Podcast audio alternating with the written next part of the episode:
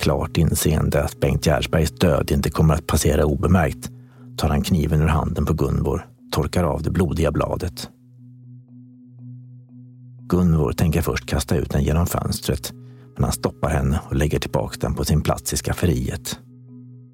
En kniv utanför lägenheten där någon dött av skärsår skulle se ytterligt misstänkt ut.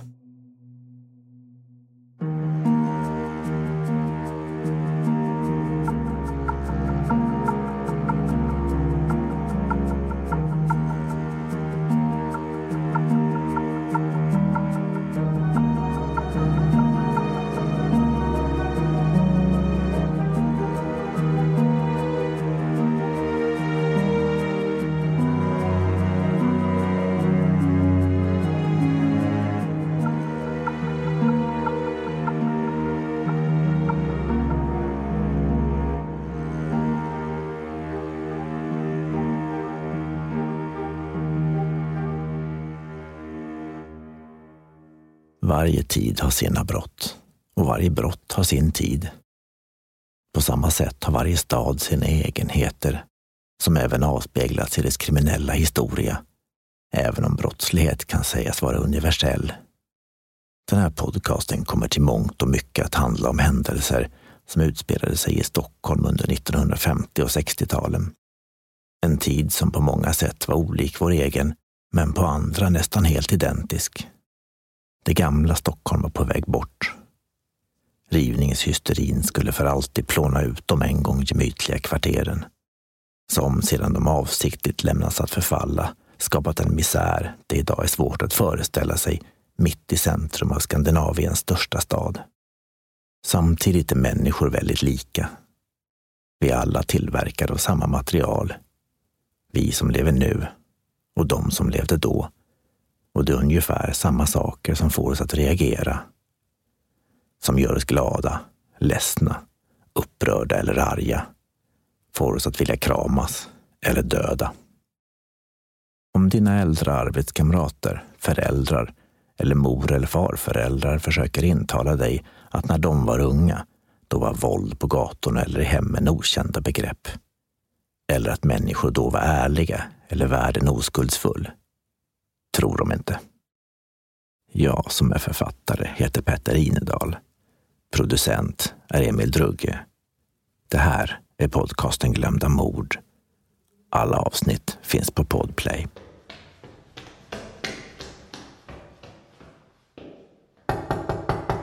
De bägge ambulansmännen knackade på dörren till lägenheten en trappa upp på Nytorget 45 på Södermalm. Klockan var 18.47 måndagen den 25 oktober 1965 och de hade en stund tidigare fått larm om ett olycksfall. När dörren öppnas möter de en man och en kvinna som släpper in dem i köket och pekar på en livlös kropp på golvet i rummet innanför. Den ligger i en pöl av blod och även väggarna är dränkta i blod, liksom om de blivit spraymålade. Den döde är en man i 35-årsåldern han ligger framstupa med händerna längs sidorna och verkar inte ha gjort ens en ansats att ta emot sig då han föll. Och det är helt uppenbart att talet om olycksfall är ren lögn. Efter en snabb blick på varandra lägger ambulansmännen kroppen på båren och bär ner den de 14 vingliga trappstegen till gården innan de kontaktar polisen. Några minuter därefter anländer radiobil 334 med två poliser ombord som dock tar tid på sig innan de dyker upp i lägenheten. Ingen har nämligen talat om för dem vilken lägenhet det rör sig om och inte heller vilket namn som står på dörren. Vilket gör att de tvingas knacka sig igenom hela fastigheten innan de hamnar rätt. Återigen öppnar mannen och kvinnan, vilka visar sig vara 45-åriga Gunvor Gärdsberg och hennes älskare, 52-årige Henning Berg. De luktar sprit och berättar hur Gunvors man ramlat och skadat sig på fyllan och därefter förts bort med ambulans. En titt in i den nedblodade lägenheten övertygar polisen om att någon helt klart blivit skadad. Blodiga handdukar ligger på golvet. De har enligt Henning Berg använts till att försöka stilla blodflödet. Och poliserna lyssnar en stund på den tragiska historien innan de tackar för sig och åker iväg till Serafimerlasarettet för att förhöra den skadade. Uppenbart är att det var mer information än bara den exakta lägenheten som gick förlorad i kontakten mellan brandkåren, vilka var de som ansvarade för ambulanstransporterna, och polisen. Det behövs inte många minuter efter ankomsten till Serafen för att de bägge poliserna ska inse sitt misstag. Liket har bara en enda skada, ett knivhugg i halsen gjort bakifrån. Och jourhavande läkare stirrar misstroget på dem då de frågar om den döde möjligen skulle kunna tillfoga sig själv skadan. Springande tar de sig tillbaka till bilen och larmar stationen, vilka skickar en ny polisbil till Nytorget samtidigt som den gamla återsätter fart. De bägge polispatrullerna anländer samtidigt utanför porten till Nytorget 45, idag Nytorget 7, och går för andra gången in genom mittenporten till den norra lägenheten en trappa upp. I hallen möter de Gunvor Gärsberg och Henning Berg med ytterkläderna på. De är på väg ut och de av poliserna som tidigare varit inne i paret Gärsbergs lägenhet behöver bara kasta en blick för att konstatera att den blivit städad sedan de sist varit där. Någon har gjort valhänta försök att torka bort blodet och en spritflaska som stått på ett bord är mystiskt försvunnen. Ett poddtips från Podplay. I fallen jag aldrig glömmer djupdyker Hasse Aro i arbetet bakom några av Sveriges mest uppseendeväckande brottsutredningar. Går vi in med hemlig telefonavlyssning och, och då upplever vi att vi får en total förändring av hans beteende. Vad är det som händer nu? Vem är det som läcker? Och så säger han att jag är kriminell, jag har varit kriminell i hela mitt liv men att mörda ett barn, där går min gräns. Nya säsongen av Fallen jag aldrig glömmer på Podplay. Det är en sorglig historia Gunvor och Henning gemensamt berättar. De har helt fredligt suttit och småpratat över ett glas vin då Gunvors våldsamma och grovt svartsjuke man kommit hem. Han är stupfull och verkar ha varit i slagsmål då han har blodfläckar på kavajen. I ett anfall av ursinne slänger han en blomsterkvast i ansiktet på sin fru måttar en spark mot henne när han plötsligt tappar balansen och faller omkull. I fallet går spritflaskan han haft i handen sönder och han skär sig så olyckligt på glasbitarna att blodet forsar. Det Gärsbergska hemmet har ingen telefon så det skärrade paret springer ner till portvakten för att ringa ambulans efter att ha gjort fruktlösa försök att stoppa blodflödet. Allt är förgäves. Hustrumisshandlaren och hustyrannen Bengt Gärsberg dör och ambulanspersonalen kan bara konstatera faktum. Det hela är naturligtvis djupt tragiskt, men samtidigt även ett bevis på gudomlig rättvisa att mannens våldsherravälde till sist mynnade i hans egen död.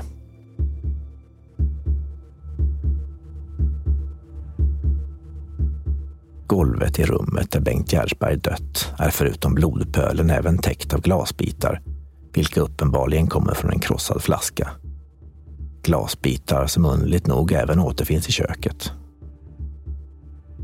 Vid första anblick verkar de bekräfta de märkliga vittnesmålen, men poliserna, vilka ju sett skadorna på liket, ställer sig ändå tveksamma. Varken Gunvor Gärdsberg eller Henning Berg kan närmare beskriva hur Bengt Gärdsberg skulle fallit och deras historier skiljer sig i väsentliga detaljer. Bland annat berättar Henning Berg att Bengt skulle sparkat sin hustru. Gunvor att han skulle slagit henne.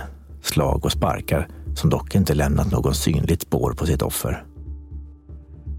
Flaskan han haft i handen är enligt den ena en läskflaska, enligt den andra en spritflaska. Att Bengt Gärsberg skulle varit blodig redan när han kom hem förnekar Gunvor nu ihärdigt. Det hela är minst sagt besynnerligt och klockan 21.20 tas de med till kriminalen för fortsatta förhör. Henning Berg blir ursinnig och försöker slå sig fri och det krävs tre poliser och handbojor innan de lyckas placera honom i bilen. På stationen upprepar de sina berättelser. Gunvor Gärdsberg förklarar sitt dåliga minne när det gäller exakta detaljer om hur maken ramlat med att hon varit så rädd för honom att hon fått minnesförlust. Hon bedyrar att hon inte rört honom på minsta vis. Men om det skulle visa sig att hon ändå gjort det beror det på att hon varit så rädd att hon inte vet vad hon gjort. En kontroll med straffregistret visar att talet om misshandel i familjen Gärsberg inte varit någon lögn. Men kommer samtidigt med den något överraskande upplysningen att det inte varit Bengt Gärsberg som slagit sin fru, utan tvärtom. I samtal med grannar och bekanta till paret Gärsberg kommer steg för steg en helt ny bild av den skräckslagna hustrun fram.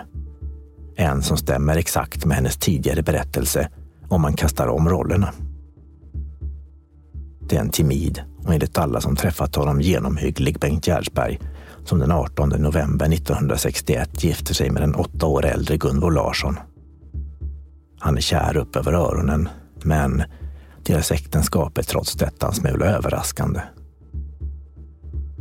Den 6 mars samma år har Gunvor nämligen misshandlat sin blivande make med en hammare och sedan tillbringat två månader på Kronohäktet på Långholmen.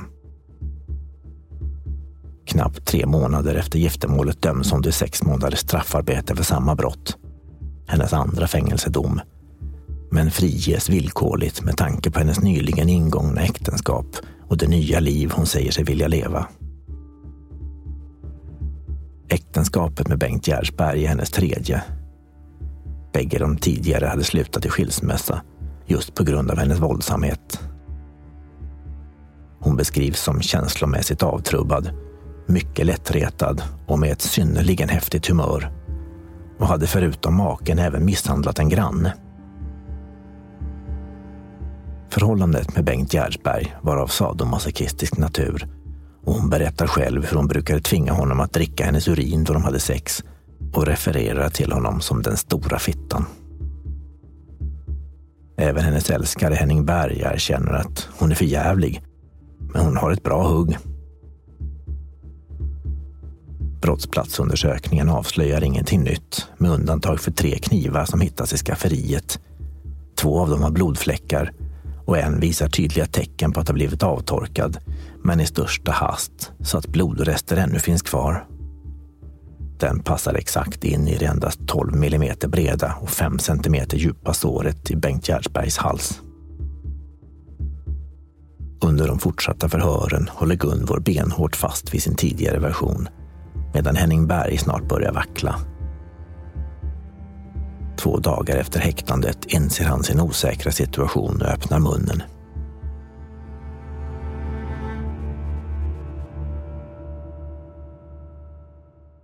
Henning Bergs och Gunvor Gärdsbergs förhållande hade vid tiden för mordet varat flera månader.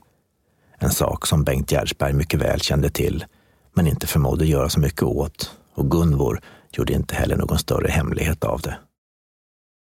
Trots det eländiga äktenskapet var han uppenbarligen ännu kär i sin fru. Men det kunde ibland gå dagar utan att de träffades, då han hade ett dagjobb som lastbilschaufför medan Gunvor jobbade natt som städerska. Han ger henne presenter, bland annat en hund som skulle bli hennes ögonsten och den enda hon grät över i häktescellen på Långholmen. Men gåvorna genererar bara nya slag och vredesutbrott.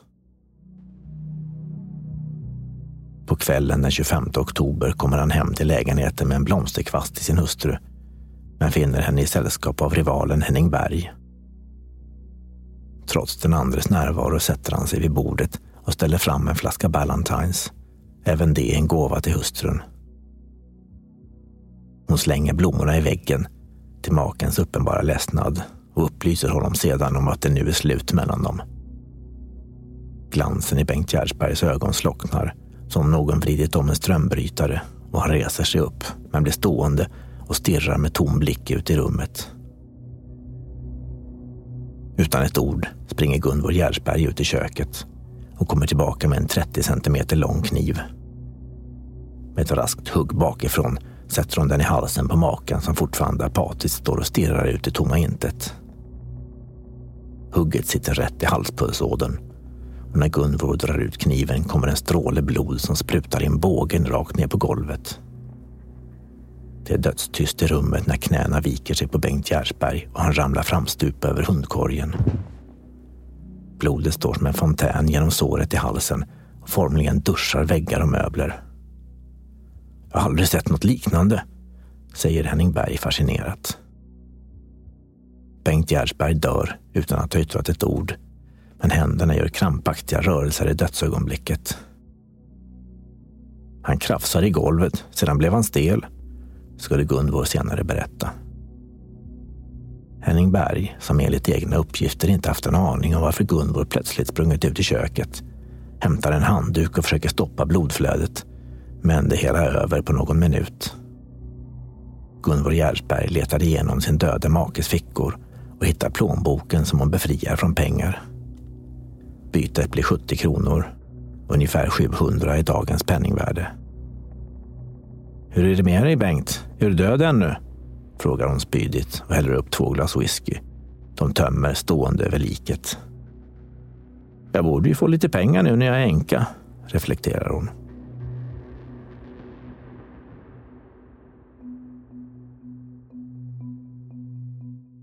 Om Henning Berg varit passivt vittne till mordet är det dock han som tar kommandot efteråt.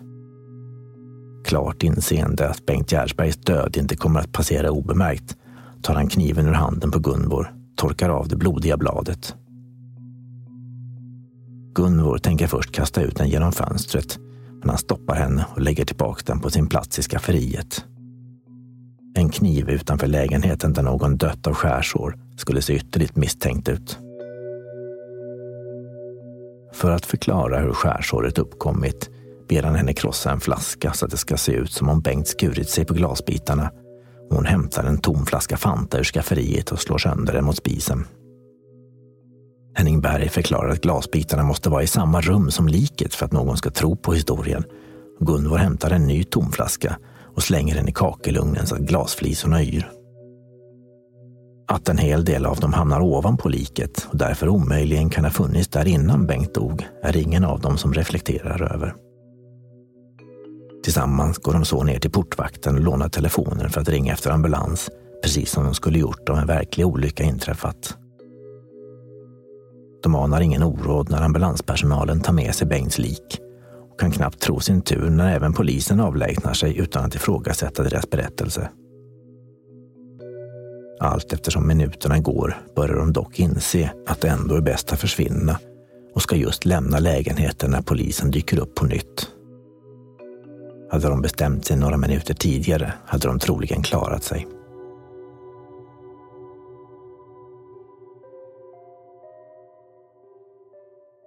Vid rättegången väcks inget åtal mot Henning Berg utan åklagaren koncentrerar sig på Gunvor Gärsberg. En sak Henning Berg dock inte helt verkar litat på.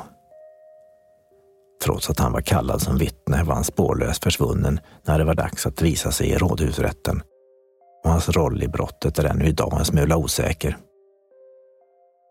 Gunvor Gärsberg har till sist erkänt mordet, men utan att en enda gång visa minsta spår av ånger. Och enda gången hon överhuvudtaget visar känslor är när hon gråter efter sin hund. Hon klassas efter sinnesundersökningen som psykiskt abnorm och döms av en enig rätt för mord den 18 augusti 1966 men överlämnas för vård på sinnessjukhus. Hon dör i Simrishamn 1997, 77 år gammal och gifte aldrig om sig. Troligen var det få som var hågade att bli make nummer fyra sedan de hört berättas om föregångaren.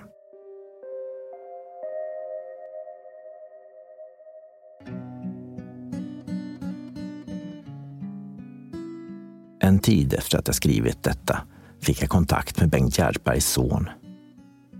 Mord är alltid en traumatisk sak och särskilt så för den drabbade familjen. Trots allt var sonen ändå glad att ha tagit upp faderns dödsfall. Han berättar hur han känt till att hans pappa mördats, men aldrig fått veta hur. Tack, skriver han. Jag har undrat över detta sedan 1965. I nästa avsnitt blir det ett möte med Cornelis Vreeswijk. Han var en temperamentsfull herre med kvicktänkt intellekt observerade han människor och händelser omkring sig. Men det var inte bara hans visor som slog, utan även knytnävarna. Det var farligt att förolämpa honom, farligt att köra på honom. Men farligast av allt var att blåsa honom.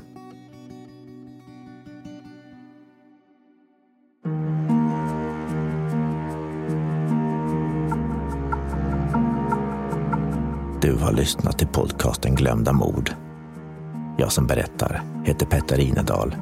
Producent Emil Drugge. Allt det här har hänt på riktigt.